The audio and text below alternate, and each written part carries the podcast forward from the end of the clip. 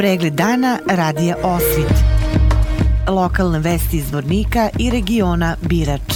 Danas je održana vanredna preskonferencija gradonačelnika Zvornika. Detaljnije u prilogu. Na današnjoj vanrednoj konferenciji za štampu gradonačelnik Zvornika Zoran Stevanović je rekao da postoje operativni podaci o naručenoj likvidaciji funkcionera iz Zvornika. Primijetili ste i dobio sam i nekoliko pitanja, pojačano prisustvo pripadnika Ministarstva unutrašnjih poslova, odnosno pripadnika Policijske uprave Zvornik u samom objektu gradske uprave. Naime, operativni neki podaci pokazuju da operativni podaci kojima raspolaže MUP Republike Srpske govore da postoji navodno naručena likvidacija nekoga od funkcionera iz izvornika. Ne osjećam se ugroženi odmah da vam kažem jer smatram da, da, da nemam niskim nikakve neraščićene račune, a da politički nisam toliko barem bitan da bi, da bi neko odlučio se na jedan takav korak kad sam ja lično u pitanju. Da li je neko od, od naših kolega ugrožen, pokazat će vrijeme.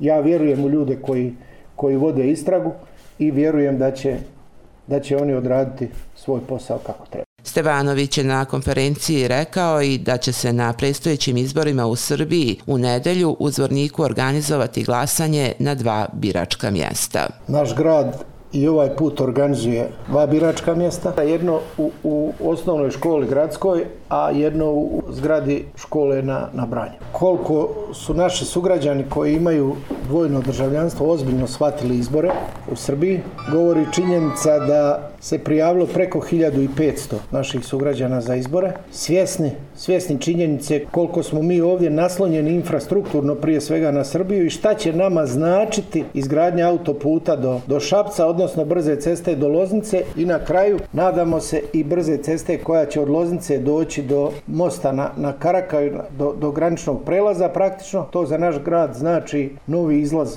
u, u svijet.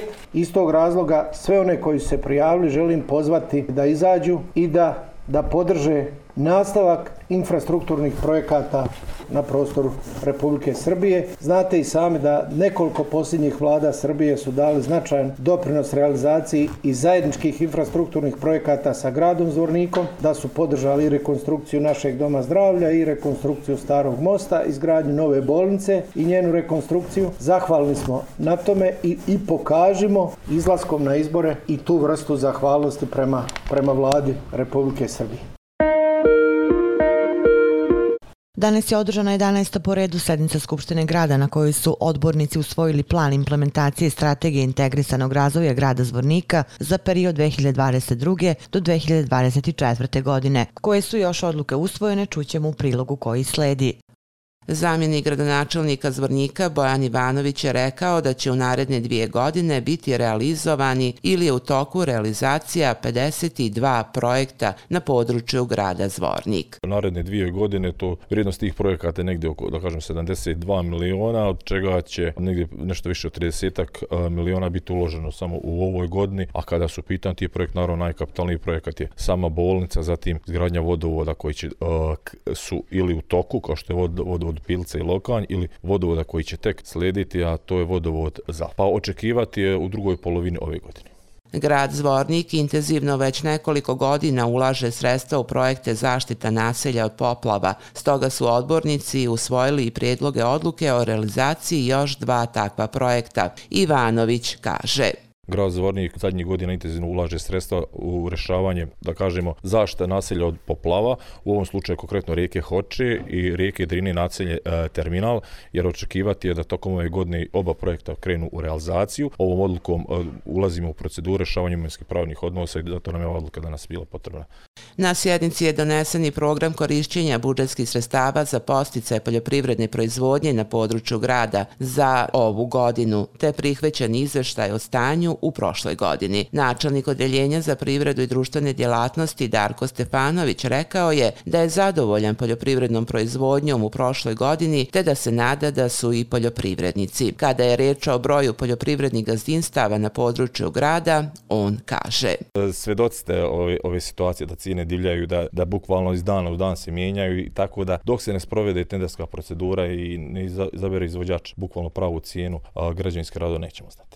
Pa što se tiče zvančnih podataka, dakle oni poljoprivredna gazdinstva koja se registruju u APIF-u, e, njihov broj se u prethodnoj godini povećao za 45 možda, nemojte me baš držati tačno za broj, ali e, negdje oko 270 poljoprivrednih gazdinstava je registrovano u APIF-u, to je povećanje od nekih 15% u odnosu na, na prethodnu godinu, što je sigurno dobar pokazatelj. Mislim da se u ovoj koroni i problema snadbjevanja svi nekako malo više ovaj, vratili poljoprivredi, posebno oni koji žive u ruralnom dijelu grada Zvornika. Ove godine je predruđeno više sredstava za postice razvoju poljoprivredne proizvodnje nego prethodne godine, a ukoliko bude potrebe, vjerujem da će gradska uprava reagovati na vrijeme i izdvojiti dodatna sredstva kako bi pomogli svim poljoprivrednicima, rekao je Stefanović.